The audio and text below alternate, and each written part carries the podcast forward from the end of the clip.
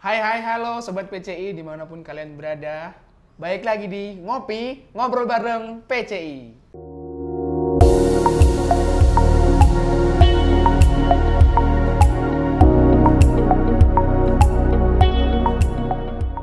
Eh, Sobat PCI di rumah atau di di mana pun kalian berada Gimana kabarnya di hari yang cerah ini, hari yang bahagia ini? Semoga sehat selalu ya dan tetap selalu untuk mematuhi protokol kesehatan yang ada karena COVID masih ada. Jadi kita nggak perlu eh, apa ya semau kita buat menghindari nggak pakai masker, nggak apa-apa karena kita tuh harus saling menjaga satu sama lain gitu ya. Nah, sebagai PCI di episode sebelumnya kita sempat membahas seputar tentang pentingnya dunia pendidikan.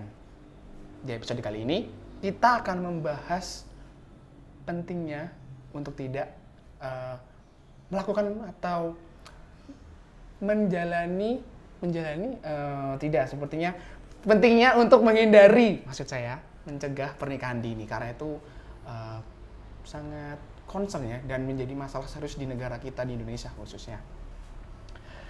Oke, eh, kalau ngomongin masalah nikah dini, pernikahan dini itu kan pasti pernikahan di usia yang belum siap tapi dipaksakan untuk menikah. Dan dampak buruknya adalah kepada eh, si suami istri yang mana belum siap dalam menjalani pernikahan tersebut.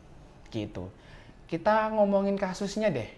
Belum lama ini kita ada kasusnya Lesti dan Rizky Bilar, terus juga ada kasusnya Reza Arab dan Wendy Walters dan banyak banget kasus serupa tapi nggak ke up gitu loh. Jadi mari kita ulas dan bahas lebih lengkap, lebih jelas di podcast ngopi kali ini. Oke, Sebelum kita ngobrolin tentang tema pembahasan kita pada episode kali ini, kita sudah kedatangan narasumber yang tentunya proper dan kompeten di bidang ini gitu. Jadi sudah hadir bersama saya Kak Dava Fauzia. Halo Kak Dava Fauzia. Halo, halo sobat PCI. Sebenarnya terima kasih banyak udah diundang di podcast ngopi ya, Iya, ngobrol ngopi, bareng bener. PCI. Iya, bener Oke. banget. Selamat datang eh, Mbak Zia. Sebelum kita mulai, Pak, ah, aku mau make sure dulu Mbak Zia Hmm. udah siap belum? Kita kan bakal ngomongin topik-topik berat nih, kayak pertanyaan-pertanyaannya agak lumayan berat. Oh, Jadi gitu ya. disiapin ya, tolong ya. Oke, ini bukan kayak di Najwa Mata Enggak, Najwa ya. kita jauh dari itu ya. Oke, Kita jauh dari oke, itu. Oke, Oke. seberat itu. Mm-mm. Mbak Dava Fauzia, Kak Fauzia atau biasa dipanggil apa nih? Zia aja. Zia aja, oke panggilannya Kak Zia ya. Oke Kak Zia, bisa dikenalin nggak? Kenalin diri dulu ke Sobat PCI di rumah. Kak Zia ini siapa gitu? Siapa ya? Aku Iya. bukan siapa-siapa sebenarnya. Oke, halo sobat PCI. Semuanya perkenalkan, nama aku Zia. Seperti yang juga udah kemarin di-share ya di pamfletnya di Instagram Project Child. Aku duta genre daerah istimewa Yogyakarta tahun 2019. Sekarang tahun 2022. 22. Jadi sebenarnya udah eh, berapa tahun yang lalu udah 2021. 2019, tiga tahun, empat tahun ya? Tiga tahun empat tahun yang lalu gitu ya. Tapi yang namanya duta tuh kayak nggak ada kata mantan duta kayak gitu. Jadinya emang meskipun menjabatnya tahun 2019 tapi sampai sekarang juga tetap masih jadi duta kayak gitu. Oke. Karena kita punya slogan juga Dav gitu. Jadi satu tahun menjabat seumur hidup menginspirasi. Satu jadi tahun tetap menjabat, seumur seumur hidup. hidup menginspirasi gitu. Oke, jadi selama eh, sekarang ini udah nggak jadi duta ya intinya. ya? Tapi Iya, bukan betul. berarti meninggalkan ya. Kayak semisal sekarang kan duta yang sekarang mungkin butuh arahan dari yang senior. Oke, benar. Terus juga kita kan uh, tetap sharing ilmu lah sama teman-teman remaja di luar sana kayak gitu. Oke, Eh, Kak Zia, duta genre ini apa sih? Oke, sebelumnya aku kok agak gimana ya mendengar genre ya? Duta gen, oh salah, no, bukan genre ya teman-teman. Jadi genre. Genre. Genre. Emang tulisannya genre, Ha-ha. pakai R. Ha-ha. Tapi bacanya genre. R-nya Oh, gede, oke. R-nya besar gitu ya teman-teman. Jadi bacanya genre ya. Uh, duta Nah, apa? Duta genre. Oke, duta genre. Nah, genre sendiri apa Kak Zia? Oke, genre sendiri itu sebenarnya uh, singkatan dari generasi berencana. Hmm. Jadi duta generasi berencana. Jadi duta generasi berencana ini adalah duta kita tuh uh, program ya ini programnya BKKBN sebenarnya Badan Kependudukan dan Keluarga Berencana Nasional. Ini tuh apa ya programnya BKBN. Jadi kita tuh di bawah naungannya BKKBN yang mana kita juga turut membantu mensukseskan program dari BKKBN yang mana sasarannya itu adalah teman-teman remaja kayak Oke. gitu karena kan kita duta ya namanya duta tuh kan role model ya Dev ya atau kita tuh jadi eh, apa ya ya Contoh. role model contoh benar benar banget karena tadi ini adalah programnya dari PKBN yang menyasarnya adalah teman-teman remaja kayak gitu nah kita juga punya salamnya nih salam Ada salam ada khususnya salam genre. ada salam genre Oke. biar mungkin sekalian biar teman-teman eh, kenapa sih kok nikah dini ngundangnya duta genre kayak Ah. gitu kan Jadi kita ada salamnya. Salamnya tuh kayak gini, Dav. Gini? Salam genre. Oke. Gitu. Salam genre, salam genre, salam. Salam genre, salam. Salam. Oke, jadi kalau di salam genre itu kita tuh ada ini ada maknanya. Oke. Jadi kenapa kok dia kayak membentuk satu lingkaran gitu? Hmm. Jadi ini tuh artinya kita adalah zero tolerance atau kita nggak menoleransi tiga hal. Mm, oke. Tiga hal. Oke, nah tiga hal ini tuh apa? Tiga hal ini yang pertama kita say no to early marriage atau nikah, Nikah dini, dini. tadi ya Oke. makanya.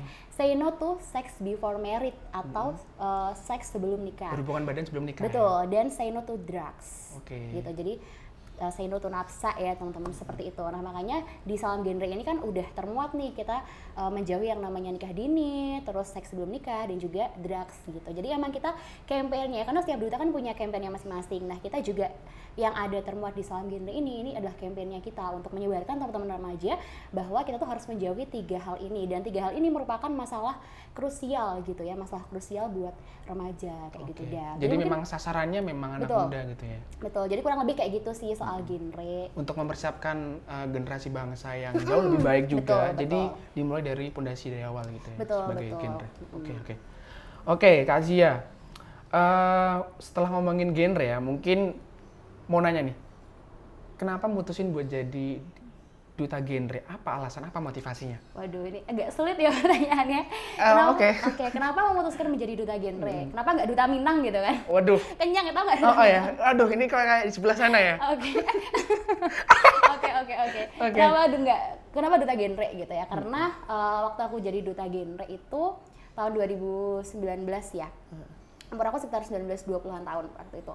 Ya itu masih tergolong remaja. Jadi yang kalau di kalau di BKKBN definisi remaja itu usia eh, 14 sampai usia 10 sampai 24 tahun dan belum menikah. Jadi yang dikategorikan remaja itu adalah 10 sampai 24 tahun dan belum menikah. Oke. Jadi kalau misalkan kita umurnya di umur-umur Dava berapa? Sekarang 20, mau 22, 21 sekarang. 21 22 Iya. ya. Eh, remaja dong. Tapi kalau kamu udah nikah, kamu udah bukan remaja kalau menurut BKKBN. Hmm. Gitu. Jadi emang ada definisi tersendiri tentang remaja kayak gitu. Mungkin nanti ada tentang remaja dari WHO dan eh, menurut eh, apa kayak gitu ya. Kalau BKKBN kayak gitu. Jadi mereka yang berusia 10 sampai 24 tahun dan belum menikah.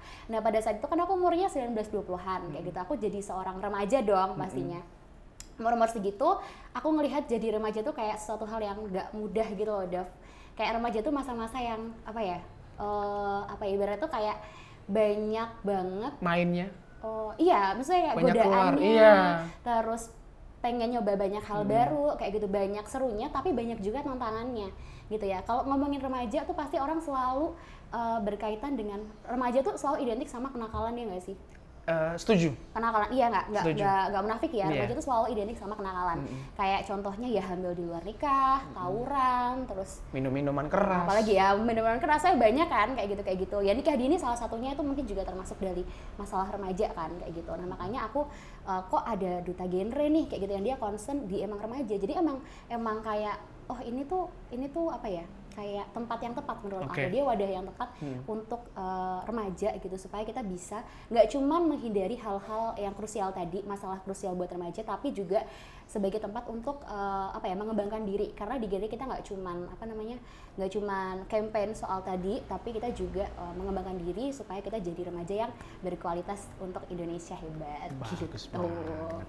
Oke, bagus banget. Program-program dari genre sendiri sebenarnya eh, apa ya sejauh ini efektif nggak sih Kak sebagai duta sendiri dalam mensosialisasikan itu? Terlebih kita tahu ya eh, anak-anak muda sekarang tuh kalau dikasih tahu mungkin ah ah gitu loh. Ngerti nggak sih Kak kayak tantangannya seberat apa sih waktu sosialisasi program-program dari eh, genre sendiri? genre sendiri ya oke jadi kalau genre sendiri sebenarnya tuh dia tuh udah tersebar di seluruh Indonesia Dav. jadi genre tuh ada mulai dari Sabang sampai Merauke Hmm. Sabang sampai Merauke ada Iya, semua dan ya? juga eh, apresiasi duta genre itu juga dia tuh eh, ada di apa duta genre nasional jadi kalau duta genre itu nggak cuma di tingkat wilayah paling eh, bawah tapi sampai ke nasionalnya tuh ada Oke. ya gitu makanya genre ini tersebar di provinsi Indonesia berapa 30 30 sekarang 33 ya? 34? 34 oke nanti kita cek lagi Oke, ya karena kemarin Oke. kabarnya ada tambahan ada lagi. tambahan. Terus ada kabar dari negara tetangga itu Mau mau, masuk sini. juga. Aduh, untung saya sudah lulus, tidak perlu belajar RPUL Oke, lagi ya. Siap, siap. Kayak gitu makanya dia tuh genre tersebar di seluruh Indonesia dan eh, makanya tantangannya sebenarnya gimana ya? Ngomongin masalah ini kan masalah nikah dini tadi ya. Kita balik ke nikah dini. Nikah dini itu kan masalah sosial ya, masalah sosial dan uh, dibilang susah ya susah. Ini bukan bukan tanggung jawabnya uh, para stakeholder aja tapi juga ya tadi makanya kita sebagai remaja juga ikut turun langsung. Karena kalau cuma kita pasrahin ke ini tugasnya pemerintah kok untuk menekan nikah dini untuk menekan kenakalan remaja gitu ya. Ya nggak bisa gitu. Kita teman-teman kita yang sebagai remaja juga harus ikut turun langsung nih kayak gitu. Dan dibilang susah susah. Apalagi sekarang uh, dengan maraknya informasi di sosial media internet yang sangat pesat kayak gitu kan banyak banget nih yang mempengaruhi remaja Iya. ya kan setuju. untuk ya itu tadi ke masalah-masalah tadi itu kayak gitu Oke. Eh, terlebih lagi mungkin ini ya Kak Zi ya. eh, susahnya buat sosialisasi sekarang tuh remaja lebih cenderung mentingin sesuatu yang nggak penting daripada yang penting. Maksudnya gini.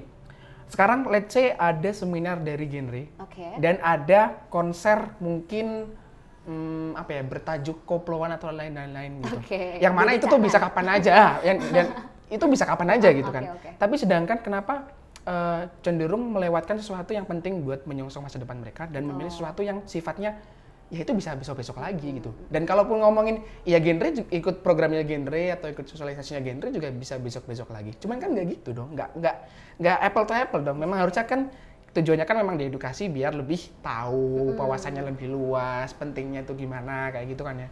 Nah, oke. Nah, kasih ya ngomongin pernikahan dini nih. oke Data Komnas Perempuan, jumlah pernikahan dini di Indonesia per tahun 2021 itu mencapai 59.709 wow dibanding 2019 yang hanya 23.126 anak. Nikah muda aja udah resiko, apalagi nikah dini ya. Iya. Banyak anak muda yang salah langkah memilih menikah dan berujung perceraian. Terus tanggapannya Mbak Zia tentang kasus tersebut gimana? Ya ini miris ya, tadi datanya sudah disebutin sama Deva. Aku juga sempat baca di salah satu jurnal bahwa pernikahan eh, anak, pernikahan anak itu termasuknya pernikahan dini juga ya, kita ket- kategorikan pernikahan dini. Itu tuh Indonesia nomor 2 di ASEAN dan nomor 8 di dunia, kayak gitu ya. Ada tuh data yang seperti itu, nanti boleh dicek lagi. Karena memang kita nggak bisa, kalau data tuh kan memang berbeda-beda ya Davia, tapi memang kita nggak bisa bohong bahwa data pernikahan anak, pernikahan dini itu masih sedemikian eh, besar kayak gitu ya. Tapi perlu juga tadi Dava bilang pernikahan dini dan perni- eh, nikah muda ya. Jadi Iya. memang sebenarnya kalau nikah dini sama nikah muda itu eh, agak sedikit berbeda sih, Dav. Kalau kita ngomongin eh, nikah dini itu usia Yang belum menikah, siap. eh, yang belum usia nikah undang-undang berapa? 19 tahun 19 kan? tahun buat ini ya, uh, ca- cewek. Cewek atau cowok. Eh, kemarin kan 19 cowok, 16 Nah, itu. cewek. Sekarang Nah, baru lagi ya direvisi. Sekarang direvisi alhamdulillah itu pun dengan berbagai macam apa ya? Upaya teman-teman di luar sana yang mengusahakan supaya ayo dinaikin dong ini masa perempuan 16 tahun undang-undangnya udah boleh. Baru 17 udah boleh nikah padahal 17 kita lihat udah kamu 17 jauh ngapain? belum. 17 tahun dulu masih sering ke warnet. Nah, makanya masih kan. sering main. Hmm, nah, sekarang udah dinaikin ya udah lumayan sih. Walaupun sebenarnya kalau kita dari BKKBN ya, karena aku dari duta genre kayak gitu. Kalau dari BKKBN sebenarnya kita menganjurkan usia menikah ideal itu perempuan minimal 21 dan laki-laki 25 tahun. Kamu belum 25? belum, belum sih, ya, belum berarti sih. masih berapa tahun lagi Iya. gitu kan. Itu makanya minimal 21 dan minimal 25. Dan Hmm. ini pun tuh nggak cuma sekedar angka, Dev. Kenapa sih kalau kita dianjurin BKKBN buat menikah usia 21 minimal perempuan dan 25 minimal laki-laki? Karena memang tadi di dalamnya tuh dia ada berbagai macam eh, faktor ya karena dinilai kalau usia 21, usia 25 itu mereka pertama dari segi eh, sosial dulu ya. Usia 21 25 tuh udah mereka udah ini ya, udah matang lah, udah Pemikirannya dewasa. jauh lebih baik Iya. daripada usia di bawah itu. Betul, dia dianggap sudah lebih matang kayak gitu. Secara pendidikan juga 21 tuh paling nggak dia udah lulus SMA. 25 cowok juga paling nggak eh, yang SMA jelas udah lulus ya 25. Kalau nggak eh, kuliah pun juga 25 banyak juga udah lulus gitu kan ya. Terus secara dari apa ekonomi kalau udah usia 21 25 tuh kan paling nggak mereka sudah bisa mencari pekerjaan yang eh, ya dibilang layak lah, bukan sekedar kalau masih di bawah umur kan cari pekerjaan susah ya. Jadi gitu makanya dari segi faktor ekonomi, faktor pendidikan, faktor uh, sosial dan emosional tadi itu dianggap sudah matang. Makanya kenapa kok BKKBN menyarankan untuk menikah minimal ide- ideal minimal 21 dan 25. Oke. Kayak gitu. Karena uh, berdasarkan apa ya? banyak yang dipertimbangkan. Jadi akhirnya diputuskanlah uh, batasan minimal menikah. Ideal. Idealnya. Minimal, Oke, mm. begitu. Nah, dari Kak Azia sendiri sebagai duta genre yang uh, concernnya di bidang itu ya, yang tadi kita udah ngomongin tentang uh, program-programnya juga. Dalam uh, apa ya, melihat atau pandangan Kak Azia sendiri terhadap kasus Lesti dan Rizky Bilar, Itu yang sempat aku notice di awal tadi. Oke. Juga kasusnya Reza Arab dan Wendy Walters yang selingkuh. Itu kalau nikah di usia muda apa lebih apa lebih beresiko dengan kejadian itu? Dengan artian eh dengan umur yang segitu mereka menikah, nyatanya toh mereka juga ngalamin loh. Oke. Ada yang di KDRT, ada yang selingkuhin. Nyat- Berarti kan bukan berarti eh, patokan angka itu menjadi patokan bahwasanya orang nikah di umur situ pasti aman, nggak bakal Oke. ada apa masalah gitu. Oke. Itu gimana Messi? Oke, kita ke Lesti dulu ya, kayak lagi angkat-angkatnya ya. Ini kita gibahin Lesti. Iya, gibahin Lesti. Oke, mohon maaf Mbak Lesti ya. Iya, Tapi mohon gini, itu menarik juga. Lesti itu dia kalau nggak salah umurnya eh, lahiran 99, sama kayak aku.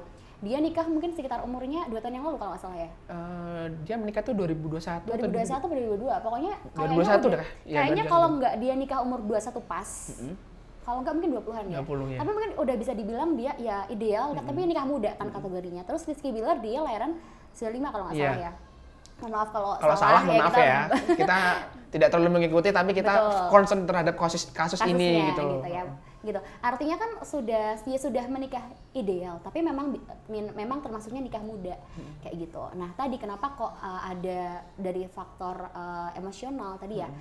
ini aja apa ya umur segitu gitu umur yang kita bilang ideal nikah muda itu ya lebih beresiko iya jelas kayak gitu ya. Karena tadi uh, tingkat kematangan emosionalnya. Dan Hmm. kalau ada orang yang tuh kadang gini Dav oh sekarang usia tuh nggak ini kok nggak ngejamin gitu kan. Karena kan yang tua-tua aja mereka juga masih kayak anak kecil kayak Iya. gitu kan. Orang ada orang Banyak, kayak banyak, gitu ya iya. bilang. Gitu. Jadi kayak umur tuh bukan sebuah patokan gitu bilangnya. Dia agak susah juga ngadepin orang yang kayak gini. Tapi gitu. Tapi kenapa kalau kita menyarankan uh, BKBN 21 karena diambil rata-rata lah diambil rata-rata orang yang udah umur segitu ke atas itu lebih lebih apa ya lebih matang gitu kalau kita ambil kasus mereka yang mungkin punya pengalamannya lebih di usia di bawah 21 kan ya nggak semua orang kayak gitu ya nah berkaca ke kasus Lesti juga kayak gitu ya teman-teman eh, dia yang menikah umur muda aja dia ternyata eh, lebih beresiko. Emang ber- lebih beresiko iya jelas tadi karena faktornya faktor emosional kayak gitu ya. Padahal ini kalau kita ngelihat Lesti sama Rizky Bilar, dia secara faktor ekonomi dia sudah ini ya Mapan, sudah cukup gitu. Sudah mapan sudah cukup. Nah, itu aja dia ternyata nggak nggak apa ya nggak menutup kemungkinan gitu kan eh, resiko-resiko dari menikah muda apalagi yang nikah dini yang di bawah 21 di bawah 19 tahun itu kan lebih jadi lebih beresiko kayak gitu ya seperti itu nah apalagi yang mereka teman-teman mungkin nikah dini eh, dari segi ekonominya nggak siap gitu teman-teman Iya, oke Gitu. oke. Tadi eh, udah ngebahas tentang kasusnya Lesti dan Rizky Bilar ya. Oke, sekarang kita pindah ke kasusnya Reza Arab dan Randy Walters. Wendy Oke, Walters. Wendy Walters Itu mereka kalau nggak salah menikah sudah dari eh, apa ya? Umurnya sudah bukan ideal ya. Maksudnya setahu aku Reza Arab itu sudah sekarang tuh umurnya 30 berapa gitu. Berarti dia kan otomatis nikahnya di umur gitu kan. sudah Dia pas. baru kemarin kan hitungannya baru pengantin baru ya. Tapi nyatanya eh, pasangan yang sudah berkomitmen begitu lama masih bisa ada apa ya potensi buat bohongin pasangannya gitu. Itu dari sudut pandang Kak Asia sendiri gimana? Oke. Walaupun umurnya udah cukup, bukan menjamin bahwasanya komitmen itu apa ya udah sama-sama dewasa masa ia mau nyakitin satu sama lain nyatanya nggak kayak gitu kok nyatanya memang nyakitin Nah itu gimana ini justru harusnya jadi renungan ya buat teman-teman ah. semua. Ada dua kasus yang dia ini mereka nikah di usia yang bisa dibilang ya sudah matang Hmm. kayak gitu sudah matang tapi ternyata nggak lepas loh dari eh, isu-isu kayak gitu di perselingkuhan kemudian KDRT gitu. Harusnya ini juga menjadi renungan buat teman-teman remaja untuk ayo eh, kita lebih lebih apa ya jangan jangan eh, ngikutin. Kayak kemarin ada tren nikah muda ada tren eh, ya udahlah ngerasanya udah pas sama pasangannya terus. Tapi bener-bener di bener-bener dipikirkan kayak gitu. Menikah itu kan kalau kita orang eh, orang beragama menikah itu kan ibadah seumur Ibadah. hidup ibadah seumur hidup kayak gitu ya nah kemarin juga sempat miris banget Dav ada tren nikah muda ya nggak sih Mm-mm. lalu figur yang mereka nikah muda itu kan juga jadi apa ya jadi teman-teman remaja nih kayak gitu jadi merasa terinfluence ya. Padahal mereka tuh sebenarnya influencer yang nggak seharusnya ngelakuin sesuatu yang sekiranya Betul. eh, apa ya kurang pantas gitu loh. Iya. Mana lagi penonton mereka, terus eh, apa ya eh, penonton mereka itu kan mungkin usianya juga masih sepantaran mereka, ada yang di Iya, bawahnya. betul, di bawahnya. Kalau diedukasi sama eh, idolanya aja kayak gitu, gimana gak ditiru dong? Betul, gitu. betul, betul. Makanya sangat disayangkan sekali gitu kan. Dan juga ngomongin soal nikah dini ya Davia tuh tuh nggak bisa lepas dari yang namanya culture atau budaya dan juga eh, stigma sih.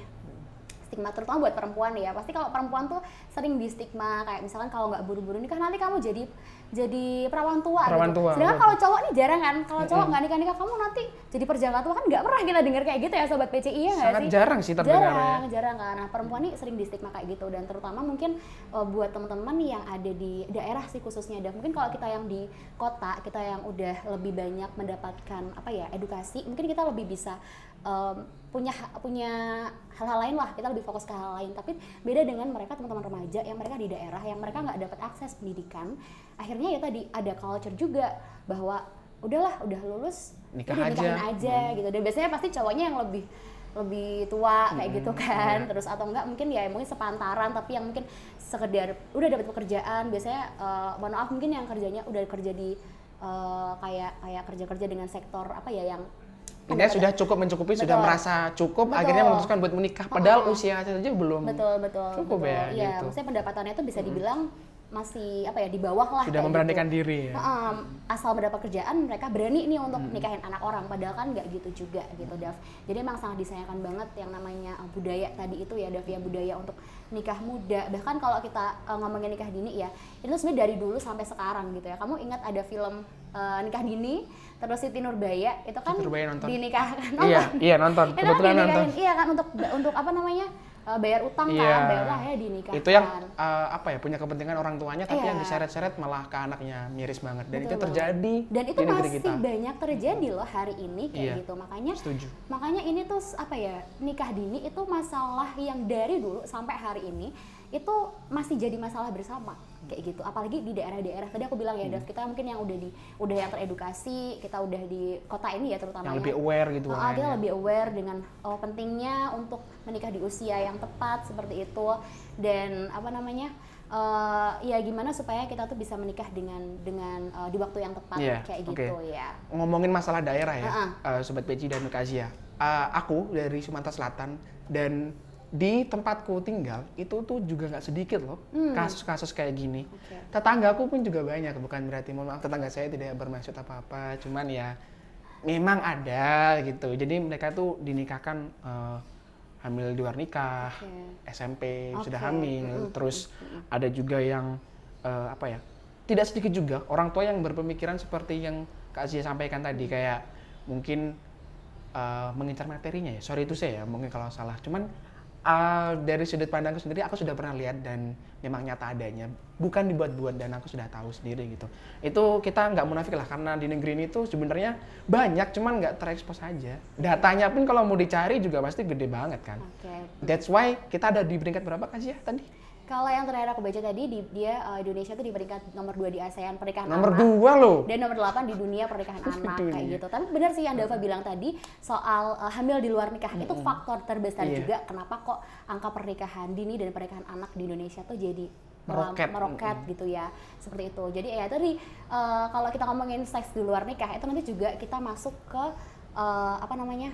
uh, akses uh, informasi teman-teman remaja tentang reproduksi gitu. Kalau kita ngomongin uh, seks di luar nikah ya makanya di genre juga ada kita bahas seksualitas. Jadi kita juga uh, nge, apa ya ngasih informasi ke teman-teman remaja tentang pentingnya reproduksi. Karena uh, apa namanya kesehatan reproduksi kayak gitu itu kan nggak diajarin di sekolah-sekolah Cuman ya. materi, teori. cuman sekedar apa ya ibaratnya cuma kulitnya aja itu pun sangat-sangat jarang. Dan Iya. dan bahkan masih banyak di luar sana yang kalau ngomongin seks ngomongin kes pro ya kesehatan reproduksi itu masih hal yang tabu banget. Nah ini makanya itu tuh hal penting banget loh mulai dari kesehatan reproduksi yang dia tuh nanti mengarahnya ke eh, apa ke dampaknya nanti juga bisa ke seks di luar nikah dan akhirnya pernikahan dini lah kemudian nanti ya kalau udah nikah dini tadi mungkin bisa ke KDRT perceraian dan sebagainya itu sepenting itu gitu ya makanya di Gera ini kita juga uh, concern di soal masalah kespro kesehatan reproduksi buat okay. remaja. Oke. Nah, sobat PCI, perlu digarisbawahi ya bahwasanya yang dimaksud Kak Zia tadi eh, bukan apa ya? Kata tadi kan ngomongin soal materi terus teori eh, tentang reproduksi tadi ya. Bukan berarti di genre diajarin praktek loh ya. Oh, Kita harus klaim loh, penting loh Oke, ini. penting, Nanti penting, mereka ngiranya apa? Berarti di genre ada ini ya dong, ada visualisasi tidak dong, tidak Oke. seperti itu dong sobat PCI. Cuman sekedar lebih dijelaskan lebih detail oleh pakarnya dan dijelaskan eh, apa ya? Intinya satu-satu tuh dijelasin lebih detail biar Betul. lebih mudah dipahami Uh-uh, begitu. Secara komprehensif karena kalau pengetahuan yang cuma setengah-setengah ya Dev kayak contohnya nih kita nggak pernah diajarin soal cash pro ya Iya. kan produksi tapi itu kan jadi kita apa namanya ya eh, teman-teman remaja tuh kan rasa ingin taunya tinggi banget nih. Nah dia tuh cari akses informasi asal-asalan, bisa nonton video porno gitu. Nah makanya itu tadi salah satu dampaknya kalau kita nggak dapet eh, informasi soal cash pro yang komprehensif, pengetahuan yang setengah-setengah itu justru lebih berbahaya. Sempit Maka- ya. Iya, kalau nggak komprehensif tuh malah lebih lebih berbahaya kalau dia nggak mendapatkan informasinya dengan uh, sumber yang kredibel gitu ya. Justru malah bahaya. Mungkin tadi nonton video porno, oh mikirnya kalau seks tuh kayak gini ya, kayak gitu. Karena kan bokep kan macam-macam ya, Oh-oh. gitu kan. Makanya di genre ini, ya. heeh, di genre ini kita diajarin uh, apa ya? Kita juga mengedukasi uh, cash pro tuh luas luas kayak gitu. Gimana uh, fungsinya, organ reproduksi, gimana cara merawatnya dan sebagainya. gitu. Oke, itu tadi uh, juga penjelasan dari Kazi ya seputar program dari genre, Hmm. Genre ya, Oke. materi genre. Uh-uh. Nah, setelah ngomongin panjang lebar nih kita udah berapa dekade kita ngomong. Waduh. Nggak sampai itu ya. Udah tahun 2023 kayaknya ya ini Pak. semakin sa- saking lamanya gitu. Nah, Kazia, ada nggak tips-tips uh, cara mungkin untuk mempersiapkan diri yang baik sedari muda untuk membangun keluarga yang apa ya? Keluarga yang indah, keluarga yang baik gitu. keluarga yang berkualitas gitu ya. Oh, oke, setuju keluarga yang berkualitas. Karena eh, ngomongin BKBN juga gitu. Kalau kita ngomongin ketahanan keluarga, itu nanti dampaknya sampai ke eh, masyarakat Indonesia. Gitu karena keluarga itu adalah sektor terkecil kalau dari keluarganya udah kuat, nanti lingkungannya kuat, ya dampak ke negara kita juga pasti bagus. Nah, makanya tadi aku bilang keluarga adalah eh, sektor terkecil di mana eh, apa namanya? penguatan di keluarga tuh harus benar-benar didorong kayak gitu. Nah, eh, gimana caranya untuk membentuk keluarga yang tadi, yang Nah, iya. berkualitas kayak gitu ya. Berkualitas. Yang pertama jelas ya, kita ngomongin nikah dini. Kalau nikah dini aja tadi udah bagi- lebih banyak banyak sekali dampak negatifnya kayak Hmm. gitu ya. Jadi teman-teman di sana yang mungkin sudah mendapat informasi tentang eh, bahaya nikah dini ya, terus juga eh, apa namanya? eh, kenapa kita harus menikah di usia ideal 21 dan 25 ya ayo dilakukan kayak gitu kalau bisa di di atasnya gitu jangan ah udah 21 ayo nikah kayak gitu jangan gitu juga Kalau bisa kan. diterapkan ya, Iya, eh, sama satu lagi aku mau ngasih tahu buat teman-teman tadi ada satu lagi faktor ini biologis. Oke. Biologis. Jadi eh, kenapa kok 21 sama 25 itu karena kalau 21 25 organ reproduksinya sudah dianggap lebih siap. Hmm. Kalau di bawah itu eh, apa ya dia belum belum matang kan secara sempurna. Jadi mungkin tadi kalau perempuan sih terutama yang lebih sering sering apa ya dirugikan tuh yang perempuan sih. Karena kalau misalkan di bawah umur itu nanti kan dia pasti lebih riskan untuk mengalami keguguran, kemudian eh, kanker dan sebagainya. Itu emang resikonya lebih besar Oke. kayak gitu. Makanya kenapa kok uh, minimal 2 sampai 25 tadi itu. Seperti itu. Jadi diterapkan ya yang dianjurkan oleh pemerintah 2 sampai 5 kalau perlu juga uh, apa ya uh, menikah itu bukan satu perlombaan gitu ya Dev Nggak ya. perlu cepet-cepet, nggak Nggak perlu cepet-cepet. jadi ajang pamer juga nggak sih? Betul, betul, betul. Dan juga tadi kalau ngomongin influencer, pilihlah influencer yang emang harus difilter ya. Jangan kita tuh ngefans sama seseorang, terus kita ngikutin semuanya apa yang dia bilang gitu. Dia juga manusia, dia juga punya banyak uh, kekurangan kayak Ngelakuin gitu salah ya. juga. Bener, bener banget. Dan nggak harus semua yang dilakuin sama orang yang kita idolakan tuh harus kita terapin ke Iya. diri kita juga kayak gitu ya. Ambil yang baik-baiknya intinya. Betul, betul ya harus benar-benar difilter, cari informasi sebanyak-banyaknya dengan uh, sumber yang pastinya kredibel. Kemudian juga menikahlah tadi ada banyak faktor yang harus dipikirkan, faktor ekonomi, faktor pendidikan, terus faktor sosialnya juga gitu ya. Bayangin kalau kamu nikah dini, kamu usia 15 tahun kamu udah menikah gitu, terus kamu terjun ke masyarakat, kumpul sama ibu-ibu, kumpul sama bapak-bapak usia 15, itu kan kayak Aneh ya. aneh, aneh. Iya itu salah satu kita mungkin di umur itu lagi sekarang tuh uh, trennya ngomongin soal apa ya uh, film atau apa kalau bapak-bapak masa iya mau ngobrolin apa Betul, betul. Makanya eh, jokesnya aja sudah beda jauhnya aduh udah beda aduh gitu kan. Makanya ya usia muda cuman sekali kayak Hmm. gitu kan dimaksimalkan, dimanfaatin banyak hal yang bisa kita lakuin. Hmm. Banyak hal yang bisa kita kerjakan di usia muda kayak gitu. Nggak cuman melulu soal nikah. Nikah tuh bukan apa ya, bukan tujuan akhir juga. Ya walaupun itu adalah ibadah seumur hidup. Ibadah, Betul. betul. Justru karena dia ibadah seumur hidup, makanya tuh harus bener-bener disempurnakan disempurnakan kesiapannya juga betul disiapkan dengan orang yang tepat tadi ya Davia aduh dan susah ya itu Betul. Ya, tapi kan proses mencari. Iya, kalau kita nah. kalau kita cuma asal-asal ngerasa umur eh, 19 nih SMA ketemu di SMA 18 19, aku udah mantep sama kamu gitu ya. Belum tentu gitu loh. Maksudnya tadi ada faktor-faktor di belakangnya yang harus dipikirkan. Banyak yang harus dipertimbangkan ya Banyak intinya. yang harus dipertimbangkan. nah gitu sobat PCI oke Kak Zia, kita ini ada Q&A dari follower PCI dan juga Pameo. Hmm. Itu eh, sudah mungkin kita saring, kita pilih berapa pertanyaan gitu. Ada berapa? Seribu pertanyaan? Waduh, Wow. nggak dong, nggak sampai dari segitu. Oke, kita bakal masuk ke pertanyaan pertama ada dari siapa ini? Dari Kak Fahre, Fahrenal Sandra. Oke. Beliau bertanya, waduh beliau, Kak, Kak Zia, sebenarnya apa sih yang nggak baik dari pernikahan dini? Buktinya Desta sama Natasha aja, oke. Eh, Desta sama Natasha oke-oke aja. Mungkin Kak Zia tahu ya Desta? Tahu, tahu, Desta tahu. oke, sama Kak Natasha itu kan Natasha Rizky ya? Ah, agak jauh kan ya itu umurnya. Oke. Itu gimana bisa dijawab nggak? Langsung jawab aja. Mm, Jawab aja. Oke, ngomongin Desa sama Natasha Rizky ini menarik juga karena dia public figure. Tadi kita ngambil contoh Lesti dan juga uh, Rizky Rizky Bilar, Bilar. terus ada juga si Wendy Walter sama Reza Arab. Arab. Ya, Oke. betul. Kalau sejauh yang aku tahu ya, Desa itu dia menikah sama Natasha Rizky. Ini kasusnya bukan nikah dini. Natasha waktu nikah tuh kalau nggak salah umur 21. Kalau nggak salah, kalau nggak 20 21 pokoknya. Kalau secara undang-undang kan berarti udah tepat ya. Apalagi di undang sebelumnya sebelum direvisi itu sudah Ah, cukup ya. mm, mm, mm, Benar-benar. Sudah ya nikah mudanya Natasha iya. Tapi Destanya kan sudah tidak nikah muda dong. Heeh. Desta sudah berapa umurnya, Pak? Bu, 30 atau 25? Tiga pokoknya dia tuh emang gapnya jauh sama Lumayan Natasha. jauh. Mm-mm. Tapi kalau kita ngomongin Desta, dia sudah matang gitu ya. Dia sudah matang. Nah, ini contoh bagus juga buat teman-teman gitu ya.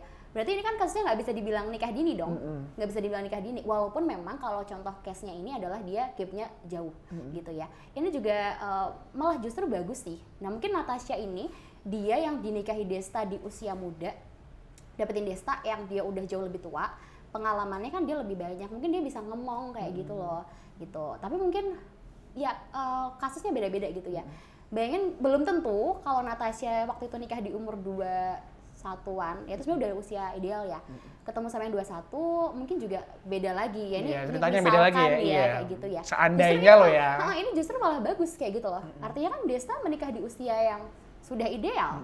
Walaupun Natasha- ter- terpaut jauh, tapi dia malah justru lebih bisa Betul. mengontrol si Betul. Natasha yang umurnya masih di bawah dia. Dia bisa, dia tahu cara nge-treat istrinya yang Ngomong uh, ya. uh, muda, maksudnya umurnya jauh. Jadi dia tuh tahu kayak, wah aku lebih tua, jadi mungkin lebih tahu cara mengatasi begitu ya. Betul. Jadi kalau case-nya tadi pernikahan dini nggak dimasuk nikah dini sih mereka. Tapi memang kalau di, di kasus Natasianya emang nikah muda. Beruntung nih Natasha dapet Desta ya. Mungkin dia kalau kita ngomongin soal usia dia lebih tua, kita tadi sangkutin ke faktor ekonomi ya dia udah Udah mapan, Mapan. posisi itu ya. dari faktor eh, biologis jelas sudah ya Bapak Desta waktu itu nikah umur berapa kemudian dari faktor eh, pendidikan juga jelas udah dua-duanya udah selesai kan waktu itu kan jadi ini malah contoh yang bagus sih gitu mereka bukan nikah dini mereka kalau Natasinya nikah muda iya tapi beruntungnya dia mendapatkan pasangan yang tadi itu Tepat ya intinya. tepat bagus malahan ya Saling melengkapi memang Ah, bener ya. dan Tujuan memang- pernikahan itu saling melengkapi. Ah, benar-benar dan kita nggak bisa memukul rata ya Davia maksudnya ini nikah nikah muda eh kok oke aja kayak gitu tapi Nggak kan semua kayak gitu. Heeh, tapi tadi tadi tuh yang udah dijelasin itu ada banyak faktor yang perlu jadi perlu dipertimbangkan, perlu jadi pertimbangan. Dan sebenarnya kasusnya tuh banyak ya Banyak. kayak yang aku bilang tadi, tapi nggak ke blow up aja Betul. sobat BCI. Karena gitu. data pun udah berbicara ya Iya, kasus pernikahan anak iya, nah itu. gitu. Nah, itu tadi pertanyaan pertama, Kak Zia. Kita lanjut ke Oke. pertanyaan berikutnya ini dari Kak Gerian Daru. Mm-mm. Bagaimana caranya menghindari kesulitan ekonomi untuk pernikahan dini dengan UMR rendah? Nah, Waduh. loh. Ini kenapa ditanyakan ke saya ya? UMR Eh, rendah harusnya ke pemerintah. Beda ya, cuman nggak apa-apa, Oke. mungkin boleh dijawab. Oke, Ini kan bagian dari faktor kesiapan di bidang ekonomi tadi Oke, ya. oke. gitu. Eh, gimana caranya mengatasi kesulitan ekonomi Mm-mm. dengan UMR rendah Ah, ah. gitu. Oke. Di pernikahan Sekarang dini di ya? Pernikahan dini ya. Oke. Nah, kenapa kok kita di jangan disarankan untuk menghindari nikah dini? Ya supaya tadi faktor ekonominya harus dimatangkan dulu gitu ya. Ini salah satu dampak kan berarti salah satu dampak dampaknya dari nikah dini adalah kesulitan ekonomi Bukti tadi. nyatanya ya. Bukti nyatanya malah justru realnya seperti itu ya. Nah, hmm, kalau ngomongin gimana ya udah misalkan udah terlanjur nih, udah terlanjur nikah, nikah dini, nikah muda dengan uh, UMR yang segini ya dengan Kebutuhan banyak. kebutuhan banyak kayak gitu ya. Oh, sebenarnya gini ya. Cowok, cewek uh, harus uh, ketika sudah terjadi gini ya. Ketika sudah terjadi baiknya uh, kedua uh, ke sepasang ini si laki-laki dan perempuan gitu ya ketika kalian sudah oke lah sudah terlanjur nih nikah dini kita ekonominya segini gimana supaya bisa survive? Karena kan pasti di dalamnya ada banyak guncangan ya kayak gitu kan. Eh, ya udah saling bahu membahu aja. Maksudnya kayak kita udah komitmen sudah melakukan ini putar otak sih kayak gitu. Mungkin nggak harus selalu berpangku kepada si laki-lakinya gitu ya untuk mencari uang, tapi perempuannya juga harus uh, ya apa yang bisa dilakukan lah. Ikut membantu ya, gitu. berkontribusi dalam rumah tangga tersebut. Betul, betul sekali ada banyak hal makanya juga di genre tuh ada yang namanya uh, apa namanya? ada life skill ya Davia kita juga di genre tuh ada namanya life skill. Nah life skill ini juga salah satunya untuk menunjang supaya kita kita punya skill, punya skill untuk apa ya tadi untuk bisa uh, mendapatkan uh, mencari mencari pendapatan kayak gitu ya. Memenuhi kebutuhan. memenuhi kebutuhan betul. Makanya itu tadi para anak muda jadi jangan yang cuman apa ya, jangan cuma senang-senang aja, tapi mumpung masih muda, eh, na- tenaganya masih banyak kayak gitu ya. Life skillnya diasah, ikutin banyak kegiatan yang bisa bikin kita tuh punya skill tadi yang bisa kepake di kehidupan kayak gitu. Oke. Hard skill dan soft skill tuh Oke, penting itu banget. didengerin ya. Hmm, betul. Mungkin buat sobat PC di luar sana yang juga sekarang masih terkendala terkait UMR rendah, terus posisinya udah nikah apa di usia Sudah terlanjur ya, oke. Ya mungkin bisa difikirkan lagi. Diasah lagi soft Iya. skillnya gitu. Dan gak ada kata terlambat kok, nggak apa-apa gitu. Ya namanya pernikahan pasti ada cobaannya ya dan ekonomi salah satunya Iya. begitu. Jadi yang harus dilewati dan bukan buat dihindari malahan ya. Betul. Itu yang memperkuat hubungan. Waduh kayak Waduh, iya kayak aja. udah aku nikah aja Iya, aduh apaan sih kayak Oke. udah nikah aja. Nah, itu tadi eh Q&A dari followers PCI dan Pameo. Terus mungkin terakhir nih sebelum kita tutup dari Kak Zia ada nggak pesan buat generasi muda dari eh, Kak Zia sendiri sebagai duta genre gitu. Oke. Mungkin tadi udah panjang lebar kita ngobrol ya Dev ya. Aku juga udah kayaknya banyak yang pengen aku sampaikan ke teman-teman remaja. Semoga apa yang udah kita sharingin juga bisa di-sharingkan ke teman-teman yang lain kayak gitu ya. Karena ini juga uh, miris juga sebagai generasi muda kalau angka pernikahan dini itu semakin meningkat karena dampaknya tadi sedemikian uh, banyak dan besar. Mungkin kalau dari aku apa ya? menikah itu bukan siapa yang paling cepat gitu ya menikah bukan siapa yang paling cepat tapi di waktu yang tepat di usia yang tepat dan dengan orang yang tepat. Oke, waduh ini sebenarnya mau saya omongin nih, tapi Mbak Zia udah ngomong. Oh, gitu. Gak apa-apa. Putar otak lagi. Ini kalau jadi host emang gini. oh gitu Kalau ada punya pikiran yang sama ya kita memang udah kebangun ya mungkin Oh, jadi gitu, ngobrolnya enak jadi chemistry kebangun jadi Oke, mudah siap. kebaca mungkin gitu nah mungkin untuk kesimpulan episode kali ini buat sobat PC di rumah yang mau atau sudah berumah tangga mungkin di umur yang muda atau ya begitu mungkin agar supaya lebih dekat lagi dengan pasangannya dikomunikasikan kalau ada apa-apa. Kalau sekiranya ada yang kurang diobrolin baik-baik bukan didiemin. Ya walaupun itu salah satu resiko dari nikah dini ya. Ego Semua ya ego Kayaknya ya nggak nikah dini juga masalah pasti ada Oh, sih oh. gitu. jadi ya buat kalian semua intinya pokoknya sehat-sehat aja. Semoga semuanya baik-baik saja dan yang belum membaik semoga segera membaik. Oke mungkin quotes dari aku terakhir. Eh, nikah itu jangan karena udah waktunya terus kalian nikah ya jangan. Tapi mirip sih tapi quotesnya ini aduh aku kok jadi tapi nikah karena udah nemu orang yang tepat. Karena apa ya hidup ini kan ada sebuah perjalanan. Jadi kalian itu selama hidupnya berusaha buat mencari yang terbaik buat diri kalian buat menemani kalian di masa ini hingga masa tua itu aja Oke. terakhir oke terima kasih sobat BCI terima kasih Kak Zia sudah berkunjung ke Sama-sama, podcast BCI Dova, Sobat BCI. Hmm, terima kasih buat PCI. Sampai jumpa di lain episode tentunya hanya di Ngopi, Ngobrol bareng PCI. PCI. Dadah.